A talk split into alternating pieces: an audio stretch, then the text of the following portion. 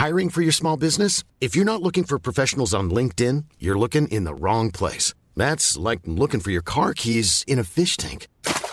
LinkedIn helps you hire professionals you can't find anywhere else, even those who aren't actively searching for a new job but might be open to the perfect role. In a given month, over 70% of LinkedIn users don't even visit other leading job sites. So start looking in the right place. With LinkedIn, you can hire professionals like a professional. Post your free job on linkedin.com slash people today. Burrow is a furniture company known for timeless design and thoughtful construction and free shipping. And that extends to their outdoor collection. Their outdoor furniture is built to withstand the elements, featuring rust-proof stainless steel hardware, weather-ready teak, and quick-dry foam cushions. For Memorial Day, get 15% off your Burrow purchase at burrow.com slash ACAST and up to 25% off outdoor. That's up to 25% off outdoor furniture at burrow.com slash ACAST. Ryan Reynolds here from Mint Mobile. With the price of just about everything going up during inflation, we thought we'd bring our prices down. So to help us, we brought in a reverse auctioneer, which is apparently a thing. Mint Mobile unlimited premium wireless. Ready to get 30, 30, bit to get 30, bit to get 20, 20, 20, bit to get 20, 20, bit to get 15, 15, 15, 15 just 15 bucks a month. So, Give it a try at mintmobile.com slash switch. $45 upfront for three months plus taxes and fees. Promo rate for new customers for limited time. Unlimited more than 40 gigabytes per month. Slows. Full terms at mintmobile.com.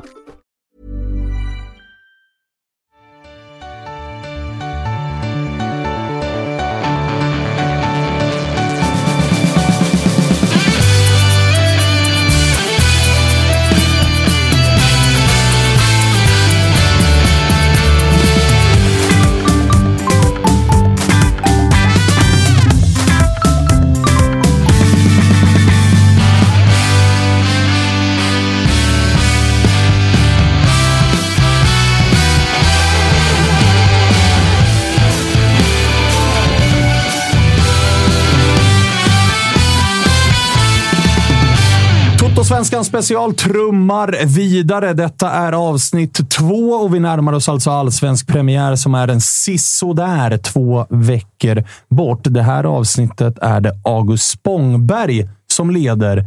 Degerfors ska vi prata om. Ja, lite av mitt eh, andra gäng i den här eh, serien efter AIK får jag säga. Det var i alla fall det, i alla fall för min del. Förra säsongen så ömmade jag ju för eh, Degerfors. Idag, eller i år, var ju inne på att byta. Jag tror att jag live-bytte i något avsnitt när Bernevall var här till, eh, till Sirius. Ja, Men ångrar mig nog. Så kanske det var, ja.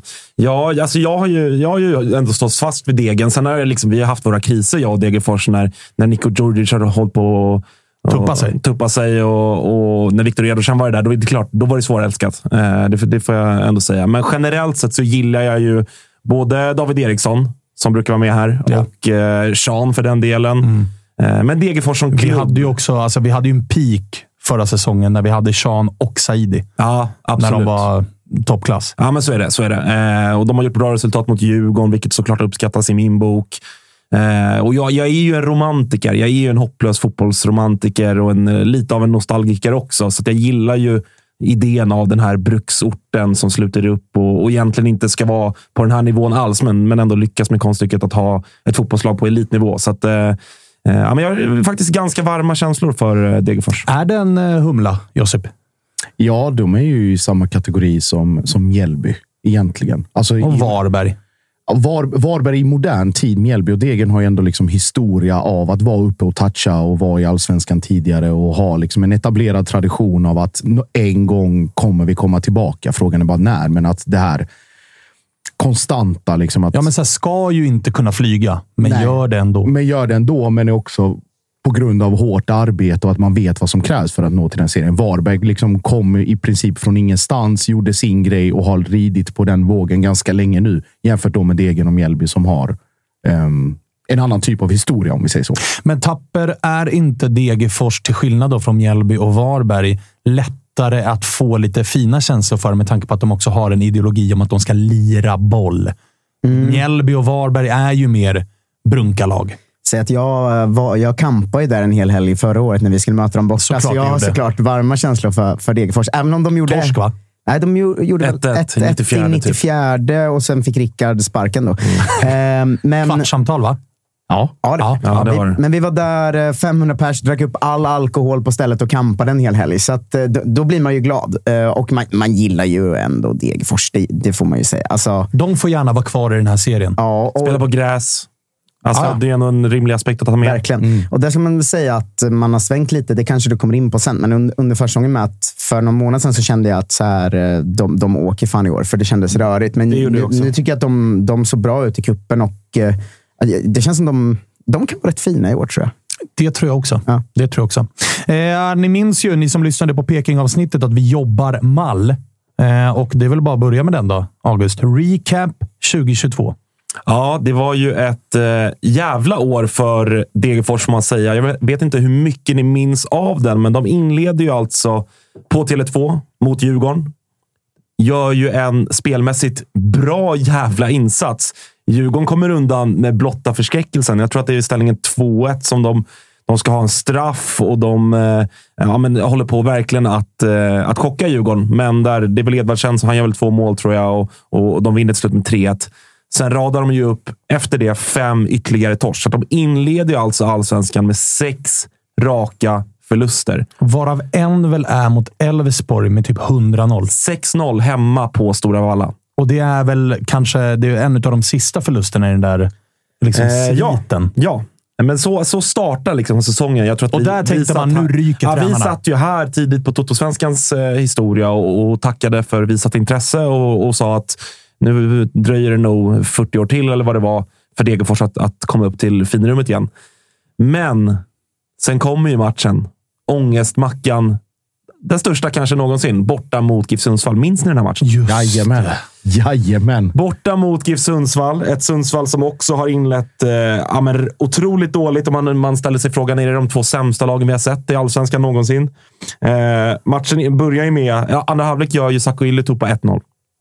0-0 i paus. 0-0 i paus. Saco Ylätupa gör 1-0 i den 50 minuten. Saco Ylätupa gör också 2-0 i den 74. Och man, man undrar, vad är... Särskilt vi aik som hade sett Saco Ylätupa. Om till och med han gör två mål, då, då, finns, det, då finns det liksom ingen botten Men det är alltså här laget. 2-0 GIF Sundsvall, kvarten kvar och Degerfors är alltså på väg mot sju av sju torsk, noll pinnar inför omgång åtta. Ja.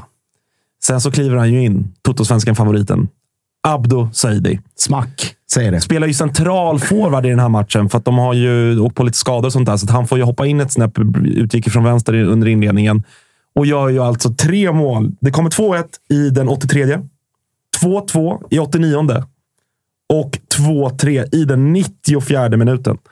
I en eh, ja, men helt otrolig match. Har en match någonsin varit så symbolisk för en hel säsong? Så här med facit i hand. Alltså jag tror inte det. Eh, faktiskt. Alltså, det, och så här, man ska, alltså, det är inte så att Degerfors radar upp massor av segrar efter det. De vinner visserligen omgången efter hemma mot Helsingborg. Så det, när man liksom summerar säsongen i stort så är det väl ändå att de tar, tror jag, maximala poäng mot sina bottenkollegor. Eh, och, och någonstans får man väl summera det som att det är det som gör att de hänger kvar. Eh, men de har ändå efter det också en väldigt tuff vår. De tar väldigt få poäng. Jag tror att de ligger på, på nedflyttning hela våren i Jo, men du vet, torskar de den mot Sundsvall, Ja, då kört. vinner de ju inte Nej, nej. omgången efter mot Helsingborg. Det gör de inte. Och då står de på nio utan vinst. Och det är sånt otroligt sliding doors moment även för Sundsvall. Vi minns ju hur det gick för dem. För att där var det ju verkligen att vad fan, om inte ens det här går, då finns det ingen återvändo Torskar ni hemma mot uh, Degen när ni Ja. leder med två bollar och det är en tio minuter kvar, Ja. då, då, då finns det inget hopp. Nej, då, då gick Det man... hoppet gick till Degerfors istället. Ja, exakt. Jag har dock en annan shout på säsongsdefinierande match förra säsongen. Är det Peking vi ska till? Nej, den, den är Sundsvall ju slår Malmö och sen kryssar mot Värnamo. Och man tänker att nu kanske de ändå kan börja ta lite poäng. Och sen har de Häcken hemma och förlorar med 5-1. Det, det är säsongsdefinierande för båda de lagen också. Ja, det är eh, verkligen. den, verkligen. den minns jag starkt. Men, men Degen Sundsvall var ju verkligen där också. Ja, nej, men så är det. Men sen så kommer sommaren och, och man gör ju framförallt ett par eh, lån som också visar sig bli väldigt avgörande. Framförallt Gustav Lagerbjerke, men även Omar Faraj. Eh, som direkt i de första matcherna är avgörande. Hemma mot Sundsvall som ju såklart då eh, också blir på något sätt avgörande. Där Sundsvall faktiskt tar ledningen, Pontus Engblom på straff, men där, där Degerfors vänder, där både Lagerbjerke och Faraj gör, gör mål.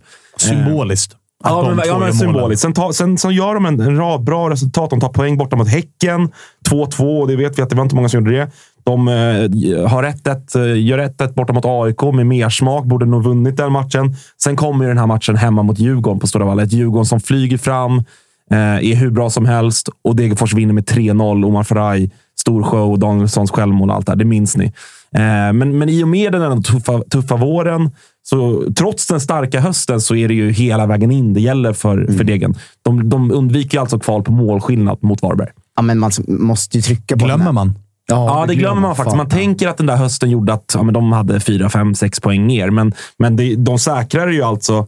Eh, alltså, vi ska se. Jag tror väl att de säkrar i sista omgången borta mot Malmö. Ja. De kryssar nere på Eleda stadion, Ja, vilket gör exakt. att de tar den poängen som, som de behöver. Eh, så att Ja, det- jävlar vilket jubel det var där nere. Ja, så att det, var ju, det var ju riktigt svettigt. Men man ska Eh, väl man trycka på hur de går in i hösten. Med. Alltså de det känns ju som att de är klara för att åka ut eller kvala i liksom augusti, september. Alltså, Ja. de, de kom in på 31 poäng om jag ja, inte minns fel. Jag tror jag kollade det förut eh, när jag skulle Eh, förbereda det stämmer. Varberg till ett annat avsnitt. Ja, precis. Eh, men men eh, det, det är ju en summa som i princip ska räcka för att klara sig kvar. Men de är ju långt ifrån det när vi går in i hösten. Alltså man ska trycka på vilken jävla höst Det är, en, de det gör. är ju en great escape. Alltså Ja. verkligen. De, är, de var ju uträknade av alla. De var jumbo ju länge. Och alltså, det, det, att de löser det här är faktiskt otroligt imponerande. Hatten av till eh, Werner och övriga. Det, är- eller vadå och övriga? Hatten av till Werner som visade tålamod med eh, tränarduon. Ja. För det här var ju också en skillnad gentemot eh, de konkurrenterna där nere. Helsingborg och eh, Giffarna som valde att gå skilda vägar med sin tränare. Det hjälpte inte. De åkte ur ändå. Werner valde att behålla tränarna, fortsätta tro på dem, fortsätta ge dem tid, ge dem ett par nyförvärv under sommaren och sen så minns vi hur det såg ut därefter. Ja, men från september och framåt, där de ju faktiskt var ja, men bra på riktigt och tog sina, tog sina segrar. Och som du säger, alltså borta mot AIK ska de nog vinna. De har ett par sådana resultat också, där de var bra i matcherna och nog förtjänade mer än, än, än vad de fick. Så att det, det var på något sätt skönt att se att så här, där fick vi också ett bevis på att det inte alltid en sparkad tränare är lösningen, utan ibland är faktiskt också lösningen att fortsätta ge tränarna förtroende och låta dem växa in i det. Ja, nej, men så är det. Och det leder oss in på nästa kategori, Ja. eh, som är tränarna. Och det är ju en av två, tror jag, tränarduos i allsvenskan. Kim och igen i Djurgården och så har vi då Tobias Solberg och Andreas Holmberg, som jag tycker är en duo som eh, lite bortglömda. Och det har väl att göra med att Degen är trots allt Degen. Eh, för det här är ju alltså det är en riktig kultduo. Om vi pratar om det här romantiska, romantiska som finns kring Degerfors, så finns det inga tränare i världen som är bättre att ha än just Tobias Solberg och Andreas Holmberg. Eh, det är två riktiga spelarikoner från början. Framförallt Tobias Solberg. Flest matcher i Degerfors historia. Alltså det är, vi, vi pratar om den största spelaren i deras historia. Som eh, under den, en övergångsperiod 2017 var han alltså assisterande tränare och spelare. Så att han var den här klassiska spelande tränare som man... Så sent som 2017 Ja, det, alltså. det har man ju. Alltså, när, jag, när jag gjorde min research och kollade upp det här, då tänkte jag det kan inte stämma. Alltså. Men Där så, har du något som har dött ut, som när vi allihopa som är i någorlunda samma ålder ändå existerade på ganska Ja, hög internationell absolut. nivå. Spelande tränare. Just nu på Gibraltar har vi en svensk spelande akademichef.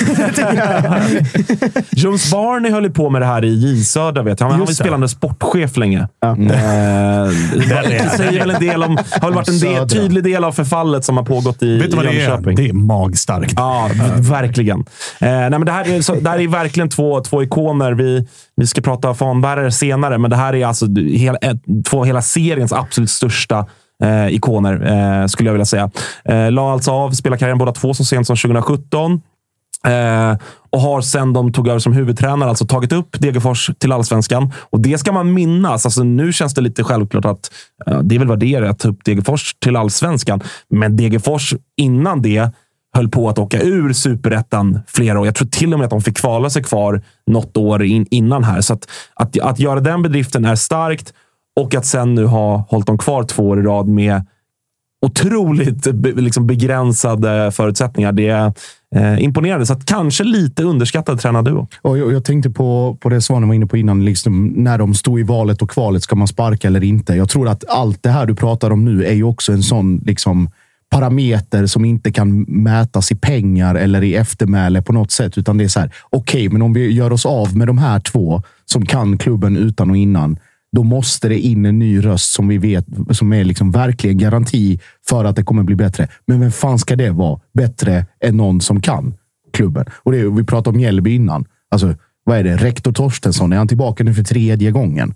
Och det, man vet att det kommer, det kommer flyga liksom i, det, i de perspektiven. Jocke Persson skulle inte röra sig från Varberg om inte liksom Varberg bestämmer sig för att skeppa honom. Så det är just den metodiken och det vi pratade om innan, att det finns historia och att man vet vad man håller på med. Det tror jag är också en, en faktor till att Holmberg och Solberg, det, förutom att vara uppskattade, också är kvar i degen. Att det, det, det hade gjort för mycket för att göra sig av med något. Sen ska vi ju också nämna, när vi är inne på den här kategorin, att när degen väl går upp igen, och det är väl i samband eh, med det, så är det ju, de kliver ju upp när det är pandemi.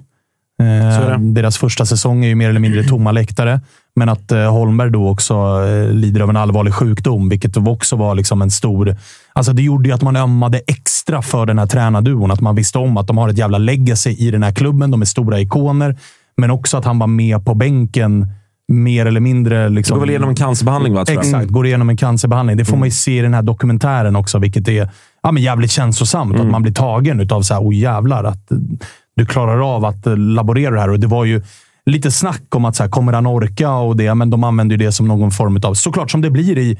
i liksom, ni har varit med om det i Peking med Cassini, vi har varit med om det i AIK. Det värsta som kan hända med Ivan Torina, att så här, man kan också gå stärkt ur en sån situation. Och Det var ju känslan man fick med sig när det här hände med Holmberg. Att Degen stärktes som klubb, som samhälle, som fotbollslag, omklädningsrummet och alltihopa. Det, det som Josip är inne på också gör ju att så här, det blir lite svårare, på gott och ont, att också säga att Nej, men nu, nu sparkar vi dig för att nu var resultaten inte bra nog. Det känns som att den här tränarduon är så väldigt mycket mer än bara resultaten på plan. Jag är helt övertygad om att Degen kan åka ur. De kommer inte sparka de här ändå. Utan det är när den här duon känner att vi är klara.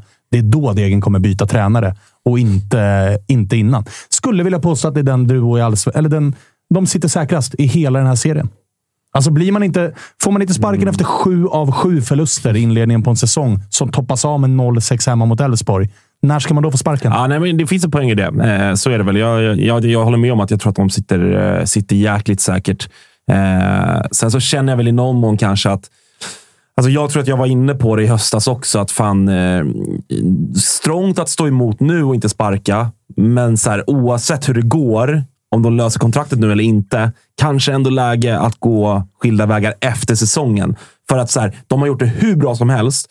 Men min känsla är kanske lite att så här, de har tagit Degerfors så långt det går. Jo, men någonstans fotbollsromantiken i mig blir ju också så här att Degerfors kommer ju aldrig bli bättre Nej, nej, än och det- sjua. Nej, Nej, det var lite nej, det jag vad är det- tänkte också. vad är det att vem ska då? in och ta Degerfors högre upp? Det går ju Nej, nästan. det går inte. Alltså, men det så här, det, målet kanske ska vara, okej, vi eh, alltså så här, håller Degerfors sig kvar i allsvenskan. Bara det är, det är, så, det är typ så högt de kan nå. Ja. Men att okej, vi, vi kanske eh, vi måste ändå ha någon ambition. Att så här, vi kanske ska bli bättre på att utveckla unga spelare.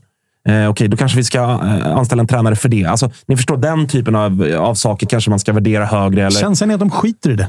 Ja, kanske. Och ja, det är älskvärt. Jag håller Ja. med. Jag håller med. Alltså, det, är, det är jätteälskvärt. Så att, eh, nej, för min del får de gärna, gärna vara kvar. Ja, min med. Jag säger att det är allsvenskans mest säkra duo. Ja. Eh, vidare till stjärnan då. Vad har vi där? Eh, finns några namn som jag valde mellan. Inte jättemånga för att vara ärliga. Eh, Alltså, Niko Djurdjic är ju korsbandsskadad. Ja, han är ju... Stjärna. Ja, stjärna, men han är för dålig. Eh, alltså, ja, men så är det. Han är, han är för dålig. Eh, så att, så att jag, jag har landat i att det är Diego Campos som eh, varit lite här i, inte blåsväder ska jag inte säga, men fick lite skit efter eh, cuputtåget mot Malmö FF. Eh, där jag tycker att han visade lite hans eh, både sådär spets men också problem. Men det är för de som har dålig koll på honom. Yttermittfältare, avig, bra en mot en. Kom inför fjolåret från Järv i Norge. Eh, där han hade gjort, ja, gjort det ganska bra ändå när man tittar på statistiken därifrån. Eh, inledde ändå lovande fjolåret, men ja, när klubben gick så dåligt som de gjorde så blev väl han ganska lidande av det också i ett, i ett lag som hade svårt att göra mål. Att då som offensiv kreatör göra saker på egen hand, det är en tuff uppgift. Eh, men jag tycker ändå att så här, man kollar på hans, hans eh, tid i Degerfors, han har gjort 34 matcher, 15 poäng, 7 plus 8. det är ganska bra siffror Ja, faktiskt. typ en poäng varannan match. Ja, Får man säga så ganska bra. det är, eh, en spelare med höga toppar, djupa dalar. Kan Absolut. Och framförallt eh, fortfarande, vilket jag kan tycka är ganska anmärkningsvärt efter ett år att du har kommit in och liksom så. Han kan fortfarande inte kontrollera sitt humör och temperament till 100 procent. mycket gula kort. Det är mycket gula och det är inte de här liksom komma sent in i en tackling gul, utan det är snack, det är kasta bort bollen, det är tjafsa med motståndare, det är nävar i bröstet. Liksom.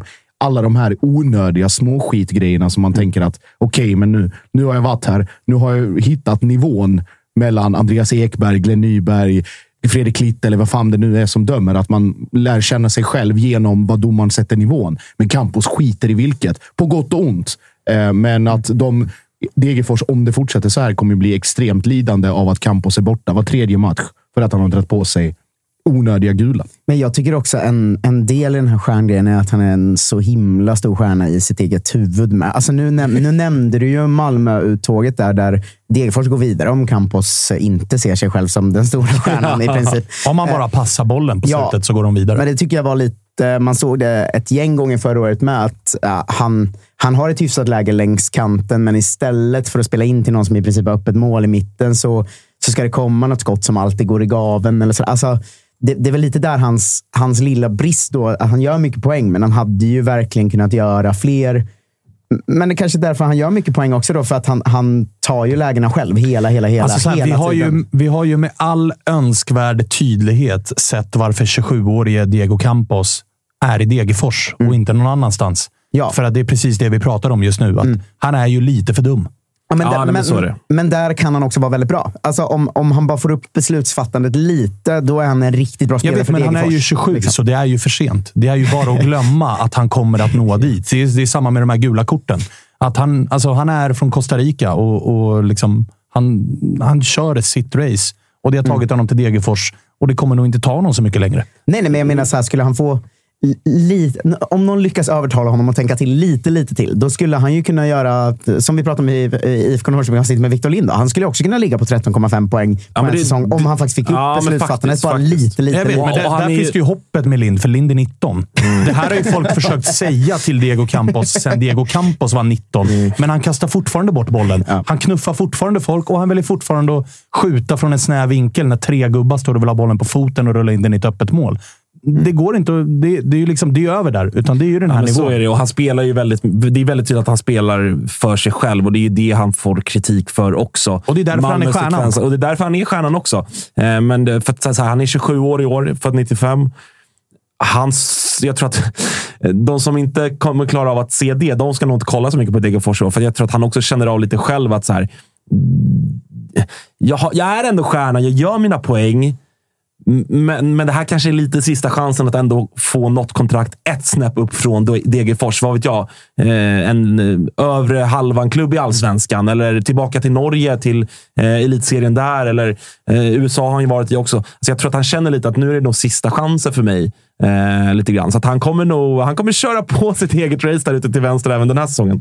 Hur nära var det att landa i Vukovic? För det hade varit mitt Ja, väldigt nära. Han, var, han, är min, han var min tvåa på listan. Eh, jag kommer tillbaka till, eh, till honom senare. Oj, oj, oj, oj, oj. Men in, är det... Nej, inte på fanbäraren. det hade varit magstarkt. Då hade de rasat här uppe i Värmland. Vad har vi då? Talangen, 28 år gammal.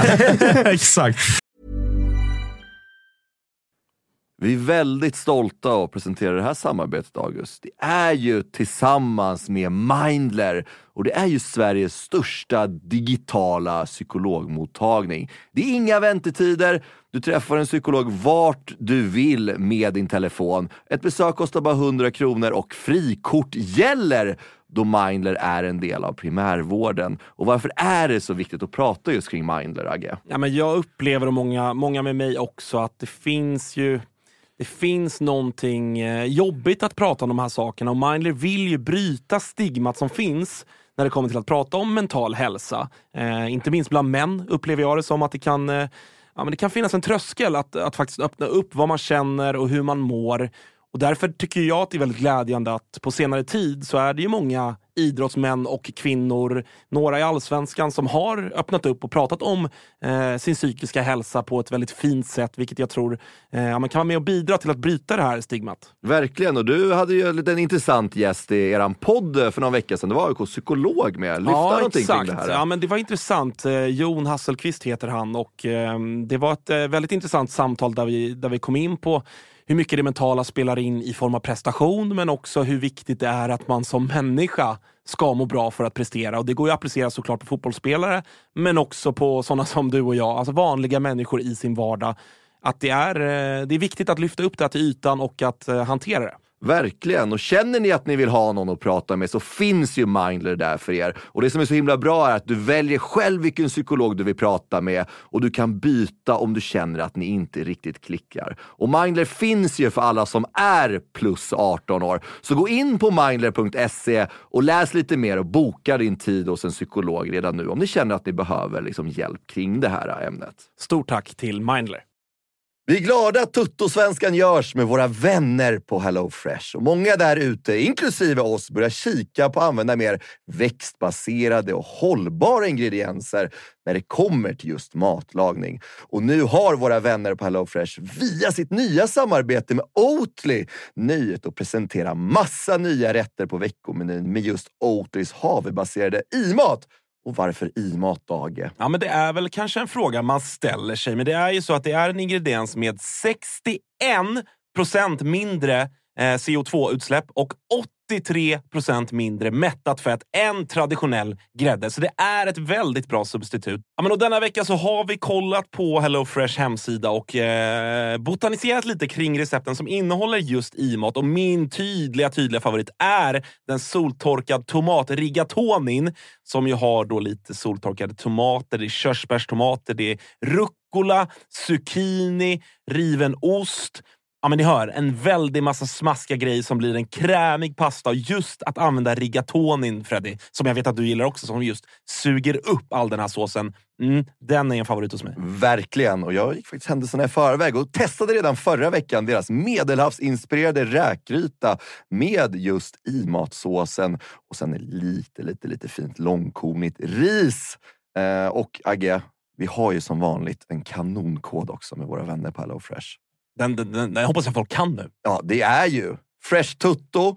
Du får upp till 1359 kronor i rabatt på dina fem första kassar om du inte har prövat HelloFresh ännu.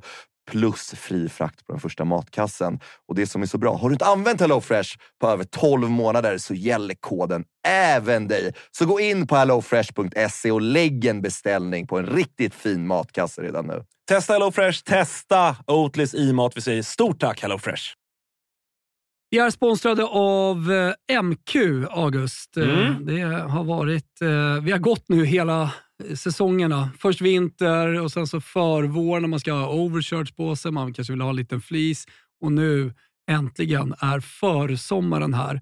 Och då kommer också Dobbers nya sommarkollektion som de kallar för Sunset Horizon Club. Den här spången är inspirerad av surfen. Just det. Det, det, det är väldigt... så här, Om, Vad har du för relation till surfen? Ja, men stor relation. Varit i Brisbane eh, ser. och eh, där är mycket windsurfing. Sen så ner till Byron Bay där, där jag testade på vågsurfing. Och sen höll jag på att stryka med på, eller utanför Kota Beach då, när det kom en sju meters våg och tog mig. Ja. En minut och 30 sekunder senare så hittade jag upp till någon slags yta, skrapsår överallt. Den här kollektionen är då inspirerad av eh, surfen. Det kan man se i silhuetterna. Det är väldigt trendy att eh, gå i lite mer raka silhuetter nu för tiden. Du gillar den? Ja, men jag gillar den. Eh, jag tänker att vi kan prata lite om de olika nyckelplaggen som ju finns här. Det är ju eh, knälånga shorts till exempel. Skjortor med print och lite brodyr i lite olika färger som jag tror kommer vara ett eh, stående inslag på inte bara Stockholms gator utan Sveriges gator när sommaren kommer. Vi har också en hel del overshirts till de eh, lite ljumna sommarkvällarna. Sen så gillar jag en trend som har kommit som också hittar in i Dobbers eh, sommarkollektion här som är sets med både shorts och overshirt. Exakt. Kortärmad overshirt som man Mm. kan gå, gå runt i. Jag, jag gillar det. Så är det. Och även eh, linnet. Det är mycket olika typer av eh, texturer och material i den här kollektionen. Linne står sig fortsatt starkt, men det finns också en eh, he- hel del tencellskjortor och, och annat. Bomullsutmanaren Tencel. Ja. Om ni inte har testat det så kan jag rekommendera. Väldigt mjukt, luftigt, härligt. Ja, men så är det. det finns någonting för alla. Hur gör man då för att handla det här, Thomas? Jo, man går in på mq.se eller så besöker man sin närmsta MQ-butik. Eh, Där hittar man ju såklart eh, Dobbers sommarkollektion som alltså heter Sunset Horizon Club. MQ.se eller någon av butikerna. Vi säger stort tack till MQ. Nej, på, på fanbärare så har jag landat i Sebastian Olsson. Eh, försvarsgeneralen får man säga numera, efter, framförallt kanske efter att Oliver Ekroth försvann till Island. Så har han ju dels tagit över eh, lite grann positionen, men också kaptensbindeln mot eh, andra halvan av säsongen i fjol. Är väldigt mycket vad liksom Degerfors supportrar och, och folket i klubben vill vara. Att man vill, han han liksom vill vara en ganska elegant, spelande, skicklig mittback. Eh, blandar ju och ger, ska man väl vara ärlig och säga, kvalitetsmässigt. Jag tycker att han, han bjuder på lite för mycket ibland, men, men är ändå alltså, så här, en bra allsvensk försvarare, tycker jag verkligen. Har gjort över 150 matcher i klubben, eh, fördelat på två sessioner. Eh, men så här, elegant, men väldigt liksom ödmjuk och bruket. Alltså hårt jobbande, gör inte så mycket väsen av sig. Inte massa kaxiga utspel och, och ett behov av att synas och höras och hävda sig, utan ja, men väldigt så liksom low key, men, men gör aldrig nästan en dålig insats rakt igenom. Utan eh, liksom pålitlig och trygg eh, spelare som, som jag vet att Degerfors-supportrarna uppskattar väldigt, väldigt mycket. Och lite grejen med Degerfors de senaste åren har väl varit eh, kanske framförallt att de har tappat fanbärare. Alltså, Mm. du nämnde Oliver Ekroth som gick till Island. Nu slutar, eller slutar. Bertilsson har ju valt att eh, trappa ner. I någon form var väl Viktor Edvardsen lite av en fanbärare. Liksom gick i första ledet och, och eh, hela den här biten tog stort ansvar utåt i media och hela den grejen när de gick upp.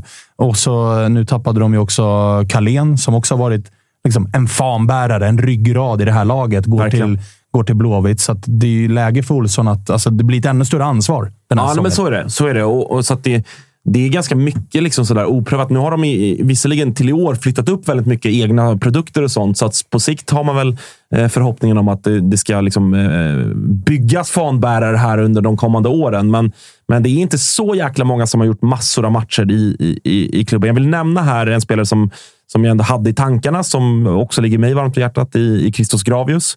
Som ju liksom inte är en brukigt kille. Det är en, en Solna-kille, fostrad i AIK. Vart där länge nu. Men vart där, vart där länge nu. Alltså också, jag tror, bra också. upp mot 100 matcher, eller över 100 matcher till och med. En, en av de absolut bästa spelarna. Eh, vi hade Sean med här som pratade om att Alltså, en av seriens mest underskattade spelare. Enormt viktig för Degerfors. Eh, står också för allt det här som de vill vara med, med sin fina vänsterfot och så. Så att han, han ska nämnas här i någon form av hedersomnämnande. Men, eh, så att det är väl de två som sticker ut, tycker jag. Härligt. Vi eh, rör oss snabbt till nästa kategori idag och det är ju talangen. Ja, här, var, här var svårare. Det var, här fick jag gräva djupt. Jag har även bollat lite med, med Dava här för att sådär. Eh, vad har vi som kommer underifrån som kanske inte är household än? Men om man ska ta något namn som, som också är nytt nu då, så, så är det Damian Pavlovic som eh, ju är inlånad från Kroatien och Rijeka. Eh, som man tror mycket på. Mittfältare, bra med båda fötterna. Eh, har ju kanske inte riktigt bevisat sig än, men som jag tror eh, sådär, han, han på sikt den här säsongen ska ändå ta för sig och bli en bärande spelare. Eh, 21 år, så att åldersmässigt det är väl så på gränsfall på håret för att, att få klassas som talang. Eh, men, men internt tror man mycket på honom. Men den jag framförallt som vill nämna är Depi Ilu- Ilunga. Oj, vilket Eh, namn! Ja, 16 bast, va? ja, jag tror att han har fyllt 17 nu 17 kanske. bast. Eh, det är lite orenat som gjorde att jag höll mig från det här först, är att han är från Örebros akademi från början. Eh, så det är ju lite, ur ett Oj. egen perspektiv, lite, lite orent, lite smutsigt. Mm. Eh, Han börjar i uppförsbacke hos hemmasupportrarna. Ja, lite, lite så. Det får man anta. Men eh, ska ju vara eh, en central mittfältare också. Eh, ska vara liksom bra spelförståelse. Den klassiska spelmotorn i, i ungdomslagen. Eh, dikterat tempo och allt det här. Ni vet, alla de här klyschorna. Men enligt, enligt sportchef Werner ska det vara liksom, alltså kanske den största talangen som har varit i klubben. Eh, så Ja. väldigt, väldigt stora ord. Och där har det, alltså, det är ändå en klubb där Ola Toivonen till exempel. Ja, verkligen. Alltså, Werner har sett Ola Toivonen slå igenom i Degerfors och att han klassar det här som en större talang då. Ja, lovorden har ju haglat minst sagt. Det är inte bara Vad hade vi för position på den här gubben? Central mittfältare. Central mittfältare, Ja, fick, okej. fick Alas kontrakt i år. Okej. sägas. Yes. Eh, nej, men så det är väl så här, nyligen fyllda 17. Eh, man ska inte förvänta sig att han kommer få massa starter och jättemycket speltid. Men när en sportchef ändå säger så om en ung spelare, det tycker jag ändå är värt att nämna. Så att han kommer säkert få några minuter här och där. Sen så är det kanske inte i år han ska slå, utan det, det är kanske nästa år snarare. Men, men ett väldigt intressant namn som jag ändå tycker att man ska ha med i bakhuvudet när man kollar på Degerfors. Jag tycker att Degerfors, nu svävar jag iväg lite grann ifrån mallen, men jag tycker att Degerfors faktiskt gör... Vi garvade lite åt Degerfors fönster i inledningen av silly season, men när man kollar igenom nu vad det är de har hämtat in den här säsongen så är ju känslan att Degerfors går mot en, med Degerfors mått mätt, ganska spännande säsong. Tittar vi på kuppen också, nu ska man inte dra för stora växlar utav kuppen, men att de matchar Malmös resultat och i vadå, 90 minuter Alltså, de är ju vidare hela vägen till tilläggstid i den sista matchen i en grupp som innehåller Malmö. Ja, typ. Ja, men när gör Ja. Malmö målet? Ja, det är 90... väl 91. Ja, då är de ju vidare i 90 minuter. Ja. Och, För de, och Degerfors kunnat- är ju vidare på krysset. Ja, ja jag, jag tror det var någon fair play-grej där. Att när Ja, det var de det. tar ju, de får ju ett rött i slutet. Korac, Seid Korac. Eh, Ja, det är väl röt- efter målet? Ja, Ja, jo, men exakt. Ja, fram till målet är de ju fram, vidare. ja, ja, okej, ja, skitsamma. Ja, fram till Isak Thelin- eller fram till eh, Cornelius gör eh, 2-1 så är ju Ja. Mm. Degerfors, då har ju de slagit ut Malmö ur kuppen. Och i den matchen så tycker jag att så här, efter sina förutsättningar, tycker Degerfors såg bra ut. Ja, de hade kunnat göra, som, som vi redan sagt, borde de gjort det till, men de hade också fler omställningslägen. Jag tycker Vukovic ser jävligt fin ut i år. Han ser Eh, jättefin ut och han har också fått erfarenheten nu från allsvenskt spel. Fått växa in i eh, kostymen. Och tittar man på de nyförvärven. Rosbach imponerade ju mot Malmö. Tittar man på Pavlovic, som du nämnde, August, som eh, talangen i laget. Ser ut att direkt ha kommit in jättebra i det här. Ser ut att trivas i sin roll. Tittar man på mittbacken Seid Korac, som, som är liksom med sin fysik absolut kommer vara nyttig för dem. Kryddat dem med lite egna talanger och kryddat med de här klassiska jävla Degerfors-värvningarna de gör som är liksom från superettan eller division 1, som faktiskt ser ut att kunna göra skillnad i ja, men till exempel eh, Karim Amar som har kommit in och sett liksom, ja, men du, du håller ju på den här nivån och kan gå in och göra helt okej insatser. Eh, tittar man på han med det riktigt eh, stökiga namnet Elias i förnamn, eh, lurigt efternamn som jag inte ens tänker ge mig på. Exakt så. Ser också, alltså, gjorde det också jättebra under hösten i Degerfors i, i fjol. Eh, Peter Gvargis, får man ordning på hans eh, fysik så kommer det bli en spelare som kan göra skillnad i det här laget. Ska vara, ska vara nära och eh, liksom, nära spel. Ja, och så, Så det är tittar jag på fönstret så tycker jag att så här, fan, de, de har ju smarta grejer här alltså. Mm. Ja, och det, vi garvade åt, vad var det, Werners liksom kvart i tre-system och hela den grejen. Jag, det- jag tror kanske det där kan till och med varit en rökridå, att det är kvart i tre-system. Jag menar att det istället är väldigt, väldigt, väldigt scoutat liksom, i det nätverk man har. Att man har krokar ute tidigt och kanske att om det inte händer någonting tidigt i fönstret, att det ser ut som att det är en nödlösning, men att man väntar. Att man har den kylan. Som med Pavlovic till exempel, där Rijeka är i, i, har varit i fritt fall i ett år och han inte alls kom till sin rätt. Upp till degen. Tänkte, vad var det han sa i den intervjun när han blev klar? Att, ja, jag såg matchen mot Djurgården. Och, eller jag såg att Djurgården slog Rijeka enkelt, så jag såg att Degerfors slog Djurgården med 3-0, så jag tänkte det måste vara bra. Och så liksom Ja, alltså hur Werner har lurat dit de här Ja. spelarna, det är en annan femma. Ja, det, är, det alltså- är det som är mest imponerande well med att han, att han får liksom utländska spelare att faktiskt åka upp till, till skogen uppe i Värmland och sätta sig. Det var Alfie, Alfie Whiteman var det väl va, som så där när han landade på Arlanda tänkte, och liksom började köra därifrån tänkte att "Men fan, det här är inte så litet som, som man bara, nej, alltså, det är tre timmar. Alltså, det, Lugn. Vi ska rakt in i landet. så att Ska jag det, rä- ser du skogen där borta? Ja. Dit ska Ja. vi. Nej, Rätt så att, in. eh, Och även på målvaktsposten. Där hade de ju stora problem i fjol. Mm. Där är ju känslan hittills att de verkligen har växlat upp en nivå. Verkligen. Och det är för att bara hoppa in här. Alltså Rosbach, en gång i tiden liksom är sedd av Nor- som Norges största målvaktstalanger, given i odd, eh, var liksom alltid i diskussionerna kring, kring en landslagsplats. Petad av, faktiskt av eh, AIK-produkten Leopold Wahlstedt, som nu kopplats ihop med Villarreal och allt vad fan det var. Valde att stanna när det fanns anbud från Bodö. Men Rosbach i grunden, alltså det är en stor målvakt. Det är en reflexsnabb målvakt. Det är någon som ger en helt annan stadga både åt liksom målvaktspositionen men även försvarsspelet i degen. Att man vet att det kommer inte en, liksom en märklig utboxning eller någon flax eller någon sån här att man inte äger sitt luftrum till exempel. Utan Seid Korac framför Sebastian Olsson eller vem det nu än är. De vet att Rosbach är där, det är lugnt. Vi behöver liksom inte ta den extra metern eller tjuva. Eller Sen ska ju också Degen ha en målvakt som liksom gör mycket tv-räddningar. Ja, det, det gjorde Det, han det, det En såg vissa, vi en vissa tv-räddningar. Det såg, såg vi prov på att han gillade att bjuda till, till kameran. Eh, vad har vi på... Vad, vad tog vi? Talangen har vi tagit. Eh, Spaningen vill jag ha. Ja, nej men eh, då ska vi komma in på Dian Vukojevic som eh, gjorde första säsongen i fjol i Degerfors. Kom ju från Norrby där han gjorde stor succé i Superettan. Hade en rätt tuff eh, debutsäsong, var skadad länge och fick liksom ja, mycket hack i hans säsong. Gjorde en del bra prestationer, men sen lite in och ut i startelvan och, och fick inte alls den kontinuiteten som, som man kanske behövde. Och sen under hösten plockade man ju då in Omar Faraj på lån och, och Omar imponerade stort och gjorde en jättefin höst i Degerfors. Det gjorde att han också ibland fick han spela ute på en kant, vilket inte alls är hans liksom, position. Eh, men, men jag är, som, som vi var inne på, som ni var inne på, att jag, jag är imponerad av honom i, framförallt redan i Norrby. Jag trodde verk, verkligen på honom redan till förra säsongen. Eh, han är stor, stark, nyttig. Alltså, nyttig spelare om man använder honom rätt. Så att- Snabbare än man tror. Också. Snabbare än vad man Ja. tror också, verkligen. Eh, så att, eh, jag har landat i en liten spaning kring honom och, och som i många av våra andra avsnitt eh, så pratar vi poäng och specifikt mål den här gången. Och jag har satt en lina på 8,5 mål på Vukojevic. Över 8,5 mål. Oj! Nio stycken. Eh, för att eh, det ska rättas som, som, som rätt.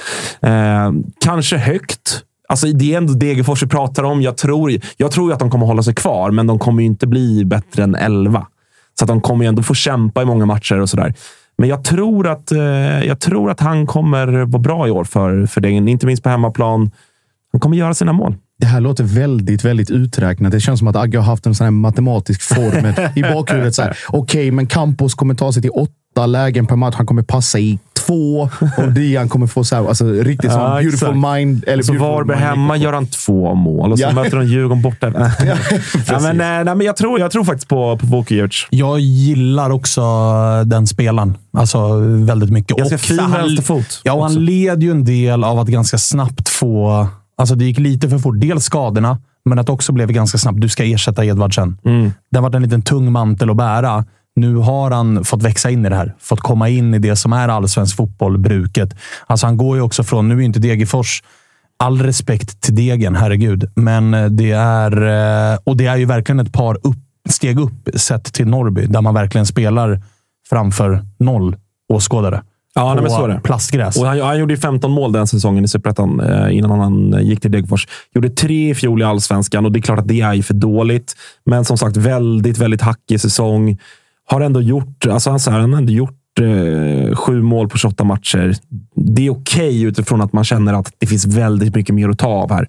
Eh, Han ska trippla sin målskörd, det är det du säger. Ja, men det, det tror jag det ses som, eh, som rimligt. Ja, men med Niko Djurdjic out också. Mm. Alltså, nu har de väl värvat eh, Fortune Bassi. Ja. Och de har ju också den här uh, målgurra ifrån Sollentuna. Mm, men det. känslan är ju att Dian kommer Lindgren, vara... Ja, exakt. Lindgren, Eh, känslan är ju att Vukojevic kommer vara etta. det alltså, antingen kommer han spela längst fram eller lite släpande, men han kommer spela. Ja, det, det, det är jag tämligen övertygad om. Om inte den här Bessay då är, är hur bra som helst, men det får man väl se. Men, men eh, jag tycker att man ser det i, i kuppen också här i gruppspelet. att eh, Han känns mycket mer självklar. Det känns som att han tror på sig själv igen, trots den tunga säsongen i fjol och så. så att han, eh, eh, och, och Jag vet inte om det är satt någonting kring straffar där. Om det är Campos kanske som tar dem. Annars, Nej, annars tror jag att... eh, fan. Ja, men han, är, han är där nog. Han tycker att han själv ska ta dem. Jo, jo men, Men han så här, tycker också Vet att vad han han kommer göra? Kamp, Kamp, Degens första straff i år. Dian plockar upp bollen. Campos är ju där och vill sno Ja. den. Och där blir ju en karaktärsprövning för Exakt. Dian. Den släpper inte han. Nej, jag tror inte heller att han gör det. Så att, eh, det är ändå, det är ändå alltså så här, var, två straffmål. Kan Tre. eventuellt se framför mig en liten Carlos Strandberg, Daniel Sundgren situation då. Att Ja. Campos går mot strupen. Fan, fan vad inte degen det är. Att Det blir en strypgreppssituation. Nej, men det är väldigt mycket Campos. Ja, det är, ja, ja, han går ju för det. Dian Campos bara har står och tänker, vad i helvete är ju, det Campos frågan? har ju ett bråk om en straff den här säsongen i sig. Ja, hundra procent. Han firar ju inte när eh, Dian gör mål. Nej, nej, nej. nej, nej, nej. Han står ju uppe vid sidlinjen. Ja. Går ju, han tänker ju heller inte på en retur, utan han står bara och bölar vid sidlinjen när Dian gör 2-1 hemma mot Varberg, 94 på straff. Laget vinner. Tre jätteviktiga poäng. Står Diego Campos är lack för att han inte fick ta straffen. Straffen som han själv filmade till sig. Campos avgörande match. Hyschar Dian. Ja, en potentiell eh, intern stridighet här. Vi får väl se. Ja, det får Eh, Men det göra. är i alla fall min spaning. Ska vi ta sista kategorin? Sista kategorin är ju den roligaste kategorin och det är ju vad, eh, vem eller vilka som Kalle ömmar för. Tapper, det- du får presentera. Vad, vad, vad har Kalle på degen? Ja, Kalles gubbe slash gubbar. Ska vi in på det nu? degen? Ja, det är det vi ska göra och det är Degerfors vi pratar om i det här avsnittet. Eh, då har vi eh, Sean Sabetkar på grund av gladast i världen. Jag har aldrig sett karln göra annat än att le. Nej, det eh, finns en poäng där. Mm, Otroligt glad. Ja, verkligen. Eh, Också och- nästan alltså topp top tre fanbärare. Ja, eh, han var, var med i, i, liksom, eh, ja, i diskussionerna där. De interna diskussioner jag hade i min, e- mitt eget huvud. Eh, hade ju också, han lite, lite för tung för säsong i fjol. Bänkades ju och, och sådär. Eh, det var inte bra för rent liksom eh, matchantalsmässigt och eh, var ju kapten annars eh, innan och, och så. Eh, men eh, är ju en favorit för oss alla. Eh, han och jag är ju goda vänner, känt varandra sedan vi var fem sex år. Så att, eh, bra val av Kalle att eh, ta sig an på den kategorin. Ja, och så här, han, det är som du är inne på. Han är ju lite för ogiven i elvan för att man ska vara liksom... eh, Men jag tror väl att han är typ vicekapten. Alltså, jag tror att han kanske nästan är fortfarande första kapten när han spelar. Ja, är det så? Alltså jag, jag vet inte, men jag skulle inte säga... Han var ju före Sebastian Olsson innan han blev bänkad i kaptenshierarkin. Sen så kanske de det. har justerat det då i och med om de ser Sean som fjärde back eller hur de nu rangordnar honom sportsligt. Så det, vi får väl se.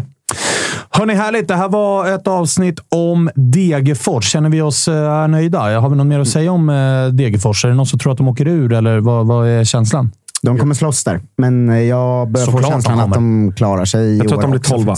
Jag tror inte Degerfors kommer ha någonting med den direkta bottenstriden att göra. Jag tror de kommer skaffa sig ganska god marginal från kval, alltså kvalstrecket och uppåt. Om, om det var på målskillnad förra året så tror jag att det blir en ganska smooth sailing det här året och kanske en 5-6 poängs marginal ner till, till de andra.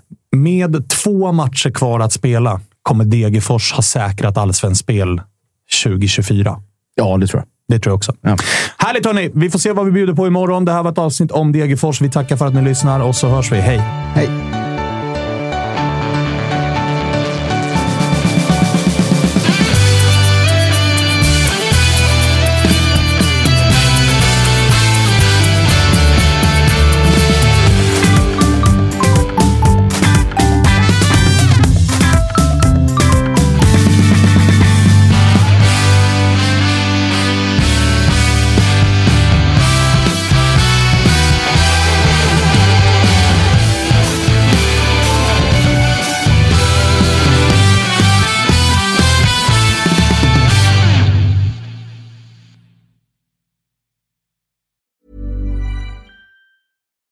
It's Paige DeSorbo from Giggly Squad. High quality fashion without the price tag. Say hello to Quince. I'm snagging high-end essentials like cozy cashmere sweaters, sleek leather jackets, fine jewelry, and so much more. With Quince being 50 to 80% less than similar brands. And they partner with factories that prioritize safe, ethical, and responsible manufacturing. I love that. Luxury quality within reach. Go to quince.com slash style to get free shipping and 365 day returns on your next order. Quince.com slash style. Mom deserves the best, and there's no better place to shop for Mother's Day than Whole Foods Market. They're your destination for unbeatable savings, from premium gifts to show-stopping flowers and irresistible desserts. Start by saving 33% with Prime on all body care and candles. Then get a 15-stem bunch of tulips for just $9.99 each with Prime. Round out Mom's menu with festive rosé, irresistible berry chantilly cake, and more special treats. Come celebrate Mother's Day at Whole Foods Market.